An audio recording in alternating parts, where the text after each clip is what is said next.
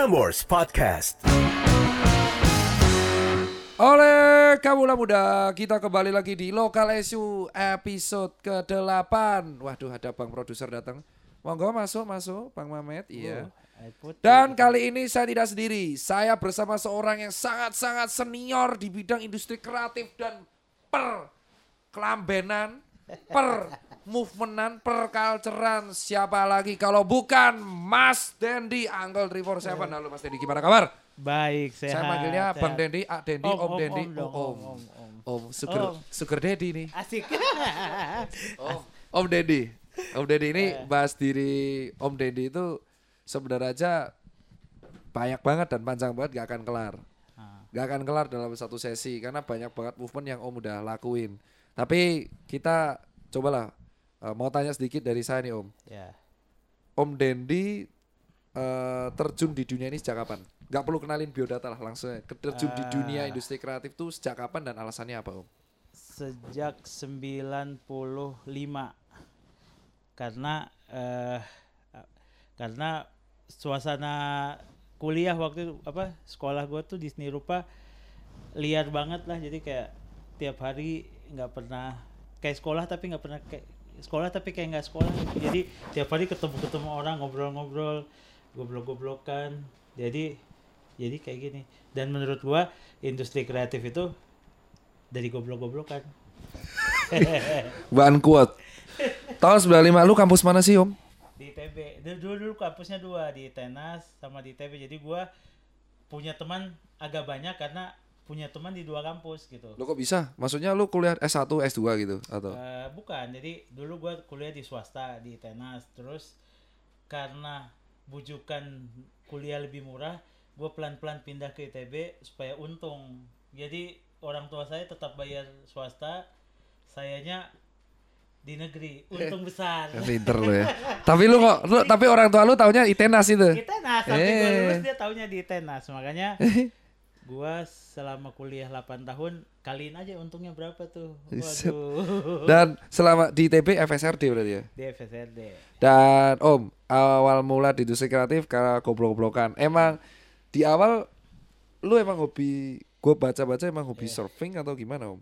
iya jadi ketemunya kita suka surfing suka jadi ada yang suka surfing ada yang suka main skateboard ada yang suka band pokoknya di sebuah kos-kosan lah. Jadi dulu kan era itu tuh kos-kosan banget kan hidup kos-kosan banget gitu. Jadi kayak di situlah semuanya. Jadi kayak gimana ya kalau kita surfing tapi nggak mungkin kan gua udah kerja apa udah selesai sekolah harus kerja.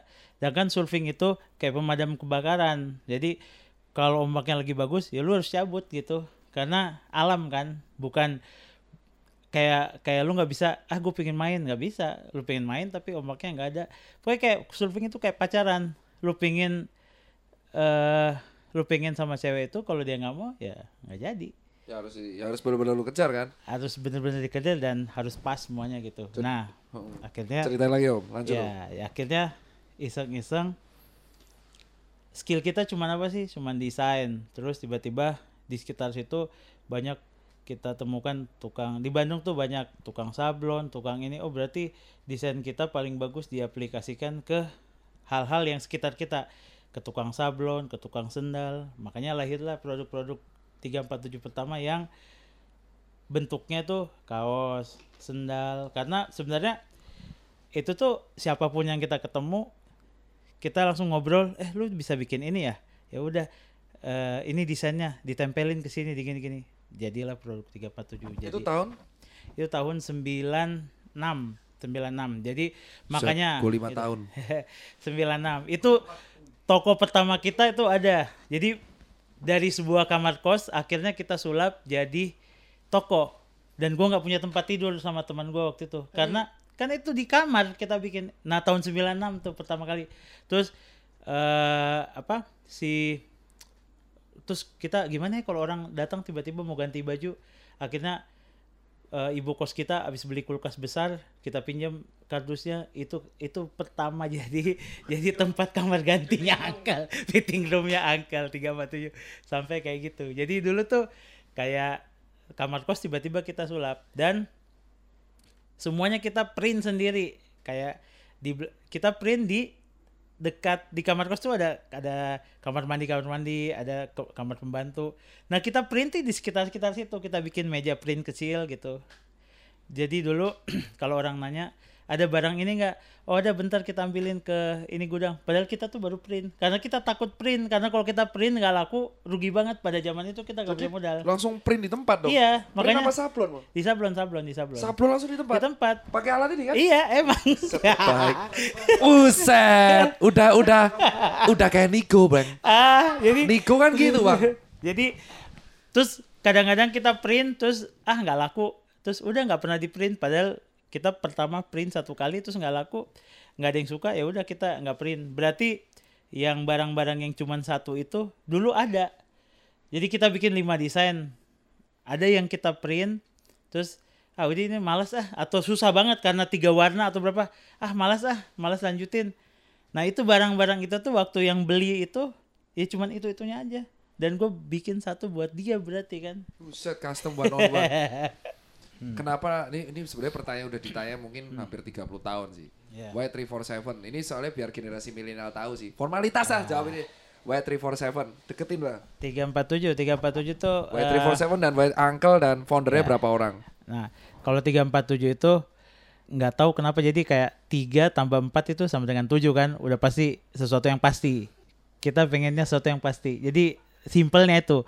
Tapi kalau ininya gitu kayak filosofinya gitu. Bukan nomor kamar kos. Nah, kebetulan itu juga rumah tempat kita pertama kali itu tempat bakso. Dari kita tuh sering ketemu, jadi kita tuh sering ketemu di eh, tempat Indomie di warung Indomie di depan kos-kosan kita. Nah, warung Indomie itu nomornya 348. Jadi kita kira 347. kita kita mundur dari kita mundur dari Indomie itu berarti 347 kita gitu. Jadi 348 itu Indomie, kita 347 gitu. Nah, gitu. Nah, Itu awal mula ya. Dan logonya kan mangkok, ingat Kak? Iya, iya, nah, itu tuh sebenarnya mangkok itu sih. sebenarnya mangkok Indomie yang Iya. kita jadi itu sebenarnya. Kenapa ang- Uncle? Ungkle, ungkle. Nah, 347 tuh Mangkok. tiap tahun tuh ber- berubah, tiap lima tahun. Dari 347 Board Rider di lima tahun kemudian ketika kita udah mulai dipalsuin, kita rubah jadi IT. Dari IT itu eh lima tahun kemudian terakhir kita rubah jadi Uncle gitu. Jadi tiap lima tahun kita rubah karena pemalsuan tadi. Jadi kayak males banget kan. Eh ini dipalsu dipalsu. Ya udahlah biarin aja kita ganti nama terus aja.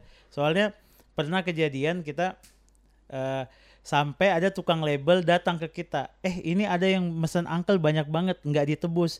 Siapa yang pesan kata kita? Kita nggak pesan. Ternyata yang pemalsu itu. Jadi dia pesan dulu dia bikin 347.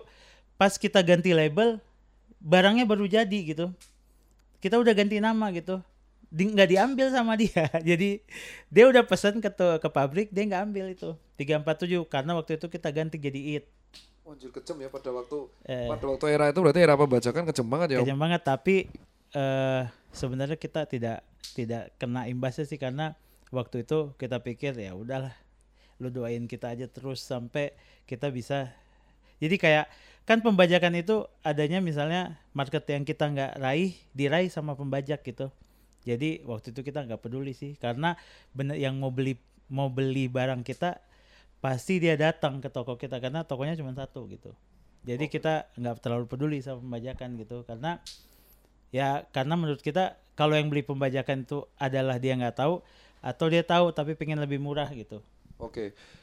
Berarti malah naikin awareness dong. eh enggak oh apa gara-gara itu Iya, dari pasti. Berarti o- Pasti. Om Deddy selalu melihat segala sesuatu positif ya. Orang dibajak Ada- ngamuk Om Deddy Iya. itu naikin awareness kita. Oke. oh soalnya Eh, emang emang paham jalan pikirnya lu tuh susah sih Om.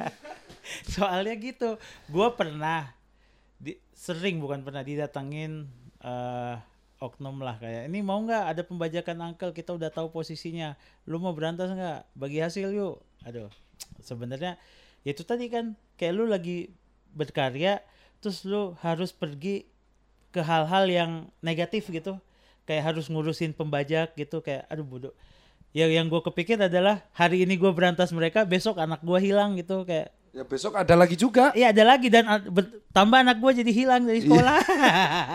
ya siapa tahu harus cekat apa gimana. Amit-amit kan. Amit-amit. Jadi kayak ya udahlah, maksudnya kita selalu ya udah lu bajak aja, tapi ketika lu bajak ini waktu lu pendek ya karena kita bentar lagi mau ganti nama gitu. Jadi selalunya gitu gitu. Oh, soal founder berapa orang om? Founder. Dulu waktu awalnya tuh banyak banget mungkin sampai 10 orang lebih ya. Buset om. Karena kita itu tuh itu founder, itu founder atau grup grup event om atau party group? Sekarang mereka udah udah terus berpisah. Ada yang jadi band, ada yang Masih ingat gak om 10 itu siapa aja?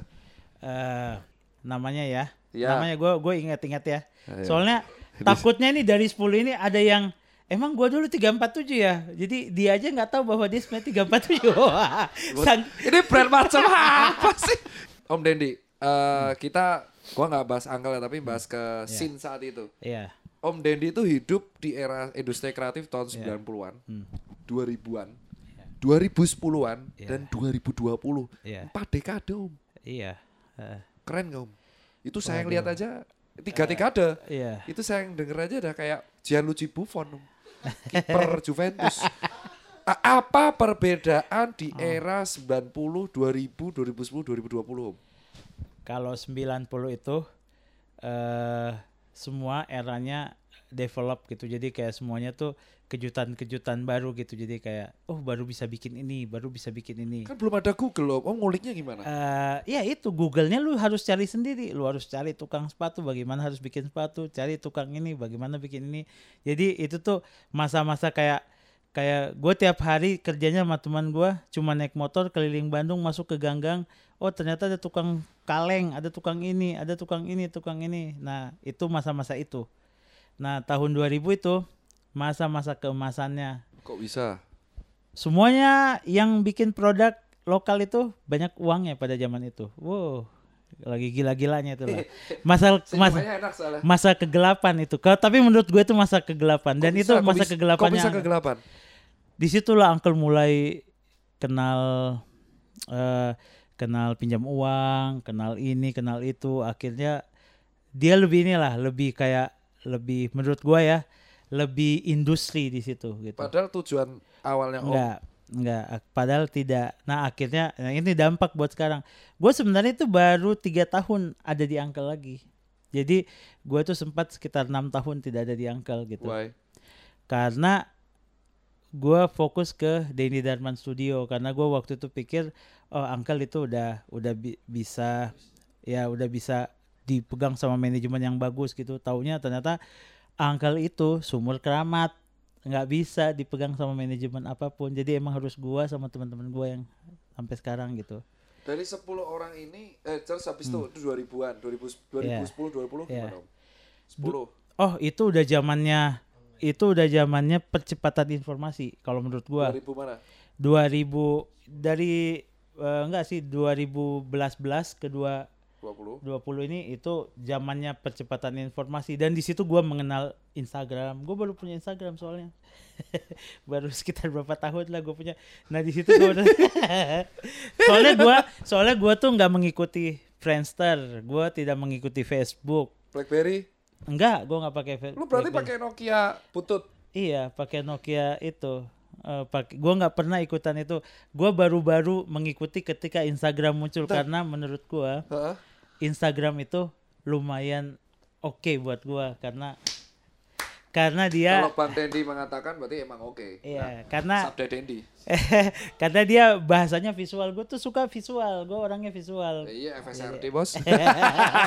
Perlu dibahas. Terus Om Dendi, Om Dendi. Kita tarik ke tahun 90-an ini tertarik karena itu gue masih umur 5 tahun. waduh Gue masih lima tahun, Mus. Lu udah buat brand. ya, ya, Dan di era itu, setahu gua, eh, gimana diri lu sama Uncle ini bisa ngulik brand? Lu kan keliling-keliling. ya Lah kan pasti ada referensi kan. Karena kan kalau Iya. sekarang lu beliat brand, referensi lu mana sih? banyak Setinggi-tinggi apa? Lu Iya. tinggal Google, lu lihat, lu lihat brand-brand yang eh, bagus-bagus dan lu terapkan di sini sesuatu yang emang belum ada di Indo. Oke Ya kan sekarang lagi tie dye lagi yang sebenarnya Iya. 10 tahun lalu ada. Nah, di era itu lu ngulik gimana, Bang? Kalau misalkan dari luar luar luar negeri, luar Indo. yang pasti sih kan gue tuh suka suka musik gue Iya. suka film, gue Ah. suka baca buku. Ah. Semuanya dulu datangnya dari buku yang gue baca, dari film yang gue nonton, pasti itu. Oh. Jadi eh, secara tidak langsung kayak gue suka banget film-filmnya Wes Anderson gitu. Jadi itu salah satu inspirasi gue gitu. Terus kalau buku-buku gue desainer gitu. Gue akhirnya kayak beli buku-bukunya desainer gitu, baca di perpustakaan tentang desainer-desainer era-era dadais. Kalau seniman gue suka era dadais, dadaisme. Jadi era itu di mana semuanya tuh kayak kayak bikin karya tuh eh vis- visualnya tuh keren lah kayak kayak cuman mungkin yang paling populer yang eh dia kloset dimasukin apa urinoir dimasukin ke dalam galeri dan itu akhirnya jadi karya terkenal. Sebenarnya sikapnya kan sikapnya. Jadi kayak ya itu tadi sih yang gue denger yang gue lihat yang itu itu pengaruh banget dan tapi kan sedikit banget kan zaman dulu. Kan cuma ada TVRI dulu. Benar, TVRI Jadi, dulu. sangat sedikit gitu. Nah, yang sedikit itu tapi menurut gua eh berkah buat gua. Karena sedikit jadi kayak ibaratnya kalau lu mau makan, kalau makanannya itu sedikit pasti lu hargai banget dan pasti lu mendalami banget. Kalau sekarang tuh saking banyaknya kadang-kadang cepet bosan, terus referensi terlalu banyak, akhirnya brand, kita kalau punya brand jadi bingung mau ke mana, jadi terlalu banyak yang keren gitu yang dilihat. Kalau dulu kan Selalu positif ngomongnya. eh, Padahal gitu. kalau dalam artian gua semakin bayar referensi semakin bunek otaknya jelek. Tapi kalau beliau yang bilang semakin banyak yang keren. Emang emang tipikal orang tua tuh gak mau cari musuh Nah, emang. Ngomongnya dipikir Enggak dan ya, bijak. udahlah pokoknya mah semakin banyak ya lu semakin pusing. Ya, Iya, ya. Om Dendi, di era dulu tahun 90, 2000, 2010, 2020. Kenapa Uncle tuh kan sebenarnya tersatu dari banyak orang ya Bang ya. Iya, Lebih ke kayak community, best friend, bisnis yang dibangun bareng-bareng. Gua akan tanya tiga hal nih. Gua akan tanya tiga hal. Pertama, kenapa yang dikenal lu terus? Di mana? Di Semua di media. Kenapa lu terus? Kenapa lu terus kalau dan sejarah mengenal kayak Dendi, Dendi, al- idola anak muda. I- Lu tuh idola tahun 90-an loh, Bang. Anak orang yang lahir tahun 90 atau 80-an pasti ngidolain lu.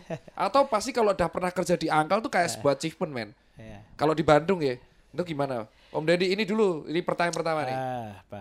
Ya menurut gua sih nggak tahu ya mungkin ya itu tadi mungkin alam kali jadi mungkin bayar kalau kalau bijaknya bayaran bayaran apa ya jadi so- eh, sosial membayar saya jadi itu gitu. Famous. Jadi menurut Om Dendi, kenapa orang lebih mengenal Om Dendi sebagai foundernya Angkal? Padahal kan Om Dendi nggak pernah curulin ngomong kan, saya founder Angkal kan nggak pernah Iya, kan? iya. Tapi orang malah mengenal dan tanggapan teman-teman gimana partner? Merasa keberatan nggak? Kan kalau justru partner gua mah kita kita jadi kita kan ibaratnya kalau gua kayak band gitu ya. Kalau partner gua tuh selalu bilang kita tuh kan sekarang tinggal berempat. Kita tuh udah kayak band gitu. Jadi kayak kalau namanya band nggak pernah vokalisnya ada tiga gitu. Selalunya satu gitu. Kalau itu band berempat gitu. Gitu. Jadi jadi diri lu yang akhirnya menjadi Jadi- kayak tameng vokalisnya. jadi gua yang dibilang gua vokalisnya Berempat gitu. itu siapa Om sekarang Om? Biar- Lucky, Lucky. Lucky, Luka Sensan ininya. Kan Jadi sekarang dia ada bisnis lain juga Om. ada, makanya kita tuh lagi banyak main-mainan. Selagi gitu. lagi Om, berempat sekarang sama Lucky. bisnis lainnya. Lucky dengan Lucky dengan Luka Sensan dia bikin papan surfing, bikin bikin apa? Mahal loh papan surfingnya dia itu. eh, karena artisan dia bikin itu Mahal kayak lu jahit gitu papan Mahal, surfing. Bor. Karena Semua orang kenal lah. eh, karena papan surfing yang dia bikin itu khusus buat lu. Jadi bukan fabrikasi yang 100 masal jadi satu biji kayak bikin jas gitu. Nah, Ipin. Ipin itu dia punya apa? kayak restoran. Dia punya banyak lah restoran di Bandung gitu. Dia punya restoran-restoran hipster gitu dia. Nah, yang satunya lagi Anli. Nah, ini yang paling antik Kenapa? ya? dia ada di rumah aja gitu. Dia orangnya senang banget di rumah gitu dari dulu. Jadi dia sebenarnya dia dulu yang banyak mengerjakan eh, ibaratnya desain produknya Uncle gitu. Jadi kayak bikin tas, bikin apa, bikin apa gitu. Dia desainer banget. Jadi dia lebih banyak di rumah sekarang. Dia lebih senang. Jadi dia nggak bikin apa-apa sekarang. Diri lu yang keempat. Kalau ya keempat saya, ya bikin apa ya, bikin klub-klub malam. Awas lu, awas lu. Lu dipercaya lu ntar. Awas lu, ntar lu. Ini jangan disensor ya, samperin tuh Sapol lu, Apol PP. Tapi klub-klub malamnya yang yang yang bukan yang apa ya yang sopan gitu klub-klub malam yang sopan Contoh? ya enggak enggak main-main. Awas lu. enggak Pak, klub malam kalau sopan gak rame Iya lah, Aduh, namanya itu tuh. klub malam Om Dendi, lu dari 90 sampai 2020 Ya. setuju nggak sama, sama statement dari gua kalau sebenarnya kalau lu mau sukses lu harus banyak belajar, banyak main, banyak nongkrong, itu imbang. iya udah pasti kalau gue bilang malah harusnya buat awal Buat awal. harus banyak banget main Why? karena menurut gua main itu banyak pelajaran gitu di di main. Jadi gua sih malah bilang ya buat awal-awal kayak anak gua gitu misalnya lu lu nggak usah lah dulu belajar nggak usah main aja yang banyak gitu. Karena menurut gua zaman sekarang ilmu itu ada di di main. Jadi gua gua bilang eh gue tidak pernah setuju dengan orang yang bilang bahwa antisosial itu eh pokoknya rugi lah jadi antisosial gitu. Karena menurut gua eh harus banyak main. Makanya diri lu punya medsos baru sekarang karena diri lu Iya. sebenarnya real life lu emang Wow, ada. gua mah gua mah real life, gua mah punya teman sampai yang Iya, dari sam- sampai gue lihat lu masih mampir monop kayaknya beberapa tahun jadi Gue bongkar lu sini. eh sih kasih. Kayak gue lihat-lihat lu masih mampir monop.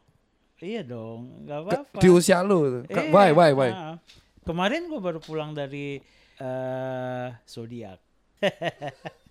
nggak apa-apa, di situ banyak ketemu-ketemu orang. Akhirnya gue ketemu eh teman-teman banyak di sana yang yang dia masih eksis di situ tapi menurut gua dia itu dulu ya gimana ya itu itu proses gua bermain gitu jadi kayak gue sampai sekarang masih main masih dan dan istri gua boleh banget gitu Ya, itu sesuka lu kan. iya Karena di situlah lu dapat jiwa lu dan dapat iya passion lu karena sendiri.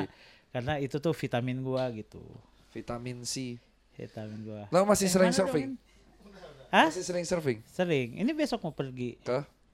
ke tempat favorit gua yang pasti Batu Karas. Batu Karas itu gua ada rumah di sana gitu. Jadi itu udah tempat paling favorit gua lah. Jadi kalau lu gue bisa bilang bahwa lu uh, make money-nya tuh dari Dendi Dharma Studio, Hmm. tapi have fun lu di Uncle. Dua-duanya. Anjay. Soalnya gua di Indian Studio sekarang lagi cinta-cintanya juga. Jadi lu dua-duanya juga Saya. main di situ, make Oh money iya, di situ. iya. Gimana caranya biar anak muda gitu kan susah, Bang. Maksudnya mendap kerja dengan sesuai yang disukai. Caranya gimana? Nah, itu itu salah satu salah satu yang gue selalu syukuri sampai umur gua sekarang. Gue 47. Jadi, sampai- ta- tahu tak gak usah gak usah disebut. tahu kok gak usah disebut. jadi, jadi sampai usia gue sekarang gue tuh melakukan hal yang gue suka gitu. Jadi gue melakukan pekerjaan yang gue suka. Jadi gue nggak pernah kayak gue nggak pernah apa ya nggak kadang-kadang sulit membedakan ini gue lagi kerja atau gue lagi main-main. Kayak contohnya gue sekarang bikin rumah. Jujur gue suka banget itu bikin rumah. Kayak gue mau bikinin rumah lu gue suka banget kadang gue nggak tidur malah gue kadang ikut eh, sama begadang sama tukang-tukang karena gue saking excitednya sama rumah itu. Padahal lu bayar gue tapi sebenarnya eh, sebenarnya kalau ditanya di hati paling dalam gitu om gue nggak punya duit gue pasti bikinin gitu. Cuman kan Tukang makan. nggak bisa kan gue punya kantor. Jadi istilahnya gitu di hati paling dalam gue nggak apa-apa lah nggak dibayar juga gitu gue senang banget ngerjain ini cuman nggak bisa karena gue harus punya kantor Lalu harus ngasih makan orang juga. nah gitu Terus, Pesannya buat anak muda, kawula muda lah kalau di Prampos Hmm. supaya mereka bisa menemukan yang mereka suka dengan kerja tuh gimana, Om? Kan susah di era Eh, sekarang. sebenarnya yang tadi tadi yang lu bilang udah tepat banget kayak harus banyak main sebenarnya Pinternya orang tua ya. Ditanya balik, dijawab balik. ya itu dia Om Dendi, Om. coba semes ya. Gua padahal udah nyari bahan yang susah dijawab loh. Di semes. Jadi adalah sebenarnya ya itu dari dari dari lu keluar rumah deh mendingan jadi kayak di di luar itu banyak banget hal banyak banget sesuatu gitu. Ketika lu keluar dari rumah pasti lu ada ribuan mas ribuan sesuatu lah Mending itu baik masalah segala macam nah dari situ pasti lu menemukan apa sih yang lu bisa gitu karena nggak mungkin lu ketemukan dalam rumah gitu kalau menurut gua semuanya ada di luar rumah karena kejam Kok bisa kejam? yang kita kita bakal menemukan apa yang bisa dari diri kita kalau kita dalam keadaan Pepet. ya Ini quote brand lokal jadi motivasi. ISQ bro. Om Dendi. Oke, kita akan berbicara mengenai angkel menurut gua udah terlalu banyak yang ngangkat ya. ya Tapi gua akan tanya yang aneh nih. apa tuh Skena Mbak, si perlokalan Bandung. Gimana pandangan lu dari tahun 90 sampai 2020? Eh, Kita nggak bicara Indonesia, kita nggak bicara angkel, tapi kita bicara ya. Bandung. Bandung sebenarnya gua kan dari dulu juga nggak pernah ke mana-mana gue di Bandung studio kita semua 347 itu nggak pernah malas sekarang 347 tokonya cuma ada di Bandung sama di Jogja gitu Iya, Nah, tahu tapi saya. yang di Jogja itu bukan toko itu studio Iya, gitu susah lah. Susah lah, susah lah. Pokoknya ada angka 347 dah itu pokoknya ada suka-suka lah. Nah, menurut gua kalau ngomongin Bandung, di Bandung itu dulu waktu bedanya tahun 90 itu kan is- istilahnya tahun ini eh, tahun apa ya? Tahun develop menurut gua. Di situ semuanya hal-hal baru bermunculan kayak ini. Eh, belum ada saing, belum ada persa- eh, kayak tapi di du- kompetitor belum ada. Iya, jadi semua semua masih ngebangun, semua brand-brand lagi ngebangun gitu, lagi bikin sesuatu, bikin sesuatu, bikin sesuatu, masih inilah. Nah, ada eranya tuh ketika sudah menurut gua sih ketika udah overpopulasi barangnya, akhirnya timbul persaingan. Tapi itu alami menurut gua. Tidak apa-apa gitu. Memang harus ada persaingan, timbullah persaingan. Nah, itu di era tahun 2000-an, 2005 itu udah mulai bersaing. Terus akhirnya mulai masuk eh, brand-brand yang sebenarnya dia itu adalah pure bisnis di situ gitu. Masuklah. Jadi kayak persaingan. Jadi ada berapa pihak nih. Nah, akhirnya gue sih merasa hilang, sempat hilang tuh kayak karena saking menurut gue saking persaingannya, saking ketatnya, saking tidak sehatnya hilang.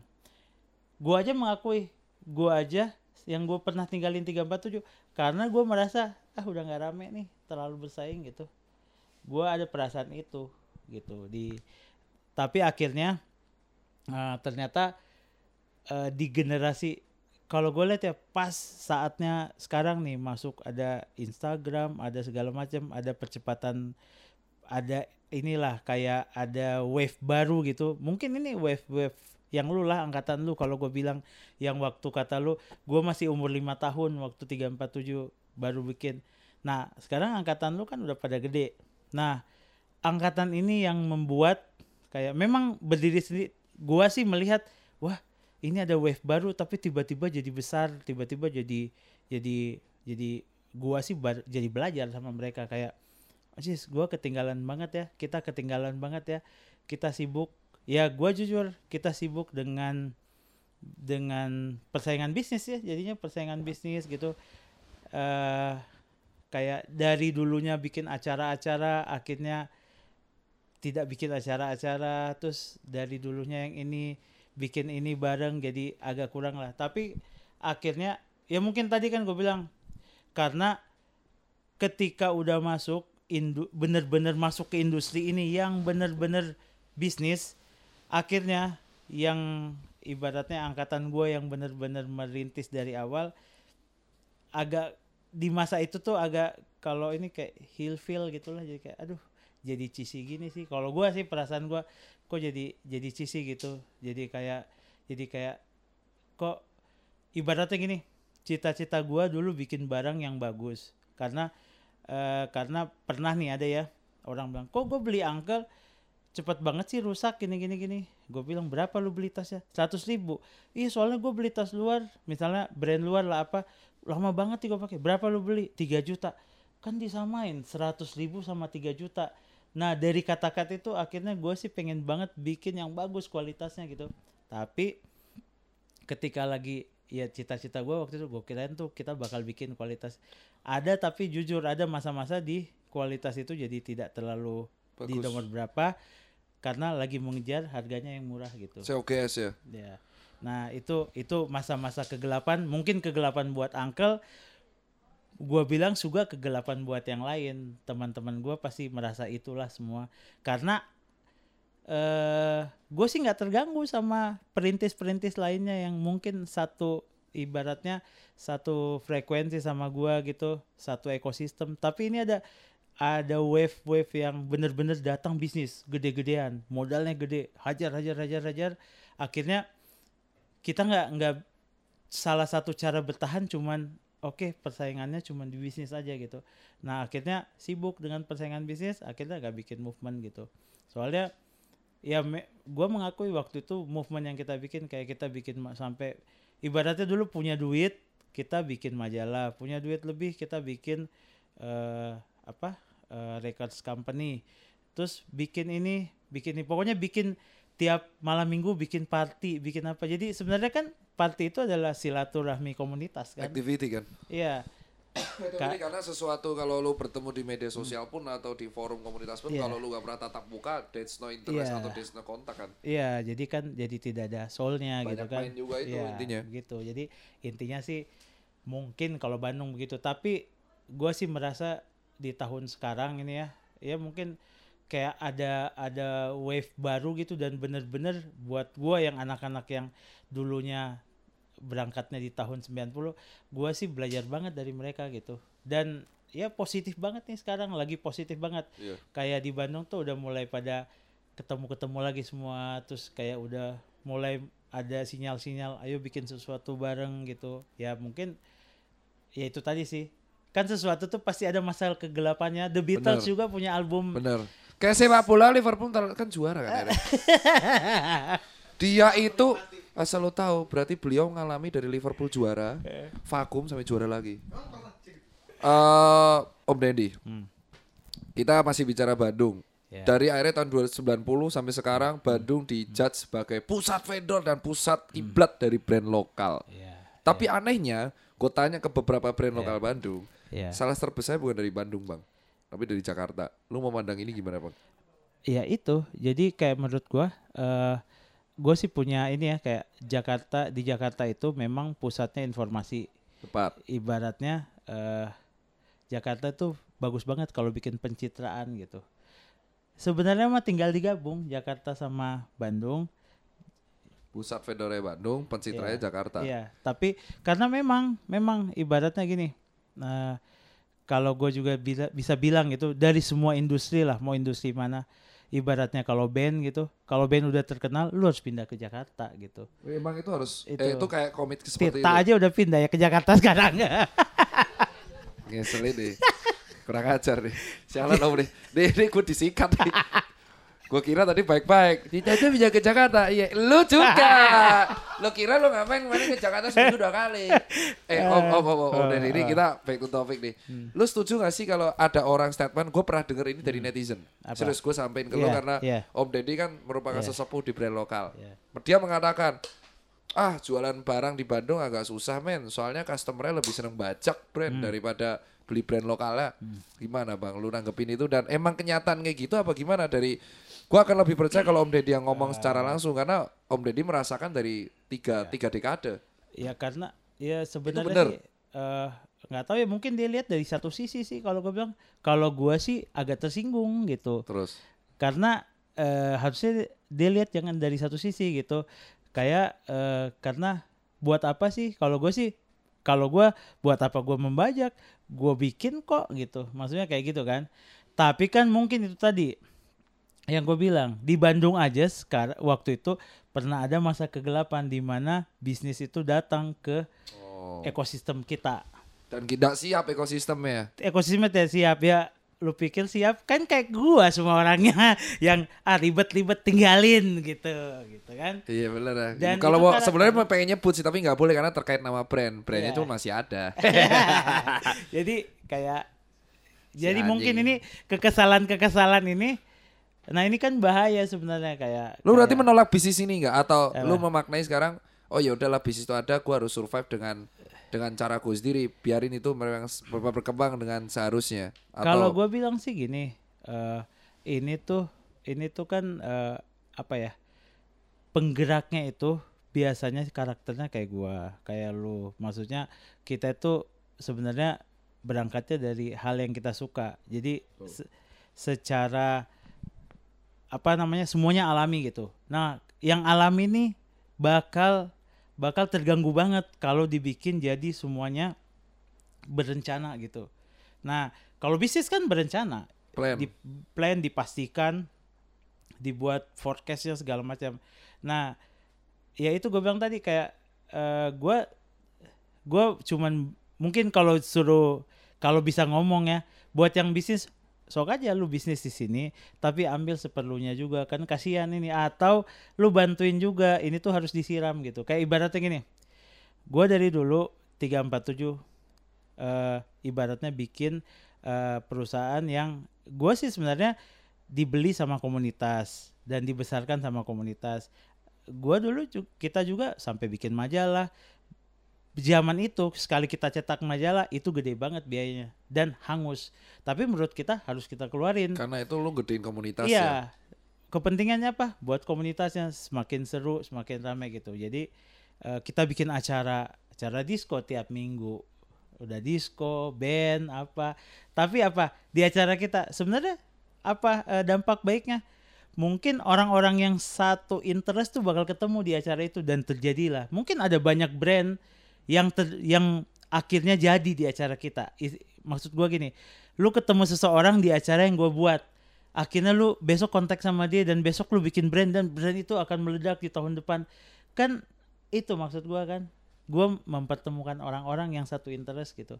Nah zaman waktu itu kita itu nggak sedikit buang uang untuk itu gitu karena kebetulan nggak perlu bayar ads pada zaman itu. Eh dan Wah langsung nyebut bos. Lah ilah li. Seneng li. Ini podcast tipis-tipis pertama udah Ini langsung nyinyir. Ads. Lu google aja. Siapa yang bisnis gede Tiba-tiba masih mainannya ads? Pinter Nggak ya. Si si Gaulnya sekarang kan sama anak-anak generasi 90 Iya. Udah bisa sarkasm Eh, dong. Joke. supaya anak-anak sekarang yang rajin bayar ads jangan selalu ya 30% 40% sisihin Activity lah Activity lah Movement lah Kita bikin apa? Bikin Bikin- apalah, bikin acara. bikin promo mulu di Hmm. ads ya. Banyak loh yang terjadi di acara yang kita bikin. Ada yang jadi Indonesia lokal silat itu gue bikin nom apa Iya. awal mula beler-beler nombok tapi ternyata animonya Iya luar kan? biasa Iya pak kan? Dan banyak kejadian kan? iya ketemu Kayak semua Ketemu semua dan akhirnya ada brand yang terjadi di situ. iya Ada sepatu Johnson ada ini, masih ada ini, ada ini terus si ini ketemu ini Iya. dan akhirnya ketemu ini dan akhirnya terjadi collab gue collab sama Faisal Epidemi gara-gara Iya. ketemu di situ Nah itu makanya itu kan eh ya harusnya sih ya jangan terlalu larut dengan ah nggak bisa sekarang kan udah zaman zaman sekarang ini 2020 semuanya bisa efektif dilakukan di Ya. media sosial kalau gue sih iya nggak apa-apa itu tapi tapi disiram juga kalau orang Jawa Barat ngono ya ngono neng ojo Iya. ngono ya. tahu nggak artinya ah tahu nggak enggak Om Deddy, Eh. Om Deddy la- lagi Om Deddy ini ini seru tapi kalau kita menuju penghujung acara ya ngomong sama Hmm. Iya. Om Deddy itu nggak kelar karena asik banget Om. ah Kenapa Om Deddy balik lagi ngurusin menurut gua sesuatu yang udah lu tinggalin 6 tahun. Apa Karena- yang ngebuat lu balik lagi? karena ini gue analogikan Kayak Messi seperti pensiun balik main bola Iya. lagi. Kenapa Om? karena gue analogikan kayak punya anak Iya. terus pas suatu hari gue ketemuin anak gua dia lagi eh dia lagi ter- ketergantungan obat terlarang gitu terus gua akhirnya sebagai ayah harus temenin dia untuk udah jauhi ini. Kamu harus baik-baik aja gitu. Ini ini ini perasaannya udah kayak gitu. Jadi eh angkel itu 347 itu kalau gua rasa itu tuh kayak kayak Anak itu lu. Iya kayak anak malah kayak cerita cerita gue sama teman-teman gue makanya dari dulu kan based on true story gitu. Karena memang ini ceritanya kita. Dan ini kita tidak mau bikin legacy di sini. Jadi nggak bikin legacy jadi pengennya ketika kita nanti ada waktunya 347 kita N. eh Iya itu kalau kalau gua meninggal apa Amit amit ya Ya, ya, tapi amat. tapi benar jadi kayak 347 ini nggak legacy jadi bukan buat anak gua bukan buat anak-anak teman partner ketika gua. salah satu founder hilang, ya udah, itu end. Eh, bukan harusnya sebelum kita end makanya sekarang sebelum end mudah-mudahan kita ketemu partner yang sayang juga sama dia Oh, Wih. paham coba tipis-tipis dong Lu tuh kebanyakan ngobrol ya kayaknya sama anak-anak 90-an. Sebelum end ketemu partner yang cocok. Iya, iya, paham gue maksud lu. Jadi moga-moga dari sini ada yang tiba-tiba udah buat gue aja gitu. Pinter ya, lu ya. Iya. soalnya kan gue udah pengen tinggal di Batu Karas gitu Jadi sebenarnya kayak mencari kedamaian dengan apa yang lu suka. Tapi Iya. tiga tahun terakhir intinya lu kayak memoles lagi anak lu supaya dia siap untuk keluar iya gitu dan ketemu orang yang baru lagi. iya heeh. Paham gue maksudnya. gitu. Pinter juga ya. eh Ibarat dinikahin kan. Iya. Ibarat lu persiapkan terakhir sebelum si anak Iya. lu atau ini dinikahkan kan. kemarin anak gue pergi ke mana-mana tapi nggak nikah nikah gitu Terus dibalik, eh sini nih kan. Eh, radadat. Terus, nih, nih yang terakhir. Uncle 347 atau Uncle atau industrinya Om Dendi itu melahirkan orang-orang baru dari segi desainer, storeman. Iya. Let's say uh, United Head kerja tempat teman-teman Iya. lu juga kan Om. iya Si dulu Indra. Indra iya heeh. Dan lu em, lu memberikan apa sih ke mereka sampai timbul lahir-lahirnya orang-orang yang ngidolain figur lu dan akhirnya malah ngebuat sesuatu yang terinspire inspired dari lu. Itu lu ngajarin apa dan respon lu gimana? Bangga, sedih, jadi kompetitor baik apa gimana? sebenarnya yang pasti gue bangga karena mereka bisa bisa eh, mengambil jadi kayak dia mengambil apa sih kalau lu kerja sama gua sebenarnya jangan ambil uangnya aja setiap bulan gitu lu harus ambil esensinya lu harus ngambil apa yang gue buat yang berguna buat lu juga gitu jadi menurut gua sih mereka yang berhasil itu mereka yang bisa mengambil kayak bukan mengambil gaji doang tapi dia mengambil oh ternyata pada prinsipnya kayak gini gue suka juga gue bisa juga dan memang di gue tuh eh 347 tuh gue sih bilang ya karena semua yang teman yang bekerja itu teman mulai dari di toko sampai desainer dulu itu banyak banget yang kerja desainer sampai 20 gitu pada zaman keemasannya 20 Itu. bos. 20 tapi dan semua anak-anak muka misalnya dulu eh, apa Sebut eh, semuanya, ingat. personil personilnya yang gue ya, Yang lu ingat Ucok Homicide yang orang-orang inilah Ucok Homicide terus eh eh, Adi Pure Saturday terus Udi Pure Saturday Anjay. terus eh eh siapa ya eh Minum dulu, minum dulu. minum dulu minum. Banyaknya banyaknya eh, desainer yang lainnya desainer sama seniman gitu desainer Terus desainer yang lu ingat yang sekarang punya brand ada nggak? Yang lu ingat aja. Ma- desainer Ya pegawai lu atau tim lu yang sekarang punya brand setelah Eh. dari Uncle. dulu eh dulu itu mungkin ini ya Gila, suruh ingat-ingat pegawai selama 30 tahun. Oh dulu ini eh, tahu ada eh, tapi dia seniman sekarang arkif arkif tuh dulu Serius? iya arkif dulu arkif dulu desainernya kebanggaan gua tuh karena paling ganteng Oh. Enggak dia dulu salah satu desainer produknya Uncle yang keren gitu dia tuh Gue lebih percaya yang pertama sih. eh, Pasti jadi, eh, ini tim gua keren kan? jadi banyak bang apa ya banyak banget ya eh, Lu habis kasih apa sih jujur banget. Seru banget gua. Kerasan kemarin Om Deddy kalau di depan panggung di ILS jujur eh, nggak sebijak, nggak iya. nggak segini deh. kan kan ini ruangannya cuma 4 kali 4 Iya, tapi dilihat sama Nyaman. berapa juta orang. Terus Om Deddy lah itu itu gua akuin Iya. cerita Om Deddy tuh kalau dari 30 tahun kita akan Iya. jamblangan nggak akan kelar. Iya. Lu bisa kasih pesan nggak buat kaula muda, terutama orang-orang Bandung atau teman-teman lu? ya ya itu sih sebenarnya harusnya ya banyak banyak silat banyak banyak keluar rumah banyak lihat-lihat hal-hal baru sih sebenarnya terus eh, kayak apa ya kayak nggak mungkin nggak mungkin terlambat tapi nggak mungkin cepat juga gitu jadi kayak sesuatu tuh yang lu yang lu pengen tuh jangan instan lah karena karena instan itu bakal cepat banget gitu kalau gue suka banget yang proses jadi kayak kayak gue suka sesuatu yang berproses gitu jadi kayak kalau suka sesuatu lu harus suka juga sama prosesnya udah itu aja gitu. Lo suka sesuatu lo harus suka juga dengan prosesnya. Iya. Om Deddy keren. Nah ini di podcast ini harus ada hadiah Om. Hah? Nah. Hadiah. Kasih hadiah empat ya. Oke. Empat. Ya. Boleh kan? Boleh Boleh, dong, dong, awas lu. boleh. Tim, Boleh ini, dong. ini tim tim pengadaan soalnya nih. Wah lima, oke. Lima hadiah dari Uncle dan Om Dendi Darman langsung buat kalian kaula muda dengan menjawab pertanyaan di bawah ini. Pertanyaannya, nomor berapakah warung Indomie tempat mereka nongkrong? Nah itu aja pertanyaan. Lima penjawab terbenar harus akan mendapatkan hadiah dari eh Uncle dan Om Deddy Darman. Jawabnya tetapi bukan di Instagram gua, bukan di Instagram tapi di Instagramnya Prambos Podcast. Lu ingat eh, pertanyaan ini ya? Berapakah nomor warung Indomie? Jawab aja langsung di komennya Instagramnya Prambos Podcast. Itu aja dari gua. Gua Tirta. Om Om Dendi dari mana? Dari Bandung. dari Bandung. Eh. Dari Kota Kembang, dari Kota Kembang. Sekian dari kami berdua buat kaula muda. Semoga aja hasil sharing ini bisa berguna kalian kalau apalagi ketika kalian mau merintis brand. Salam lokal issue from both of us. See you.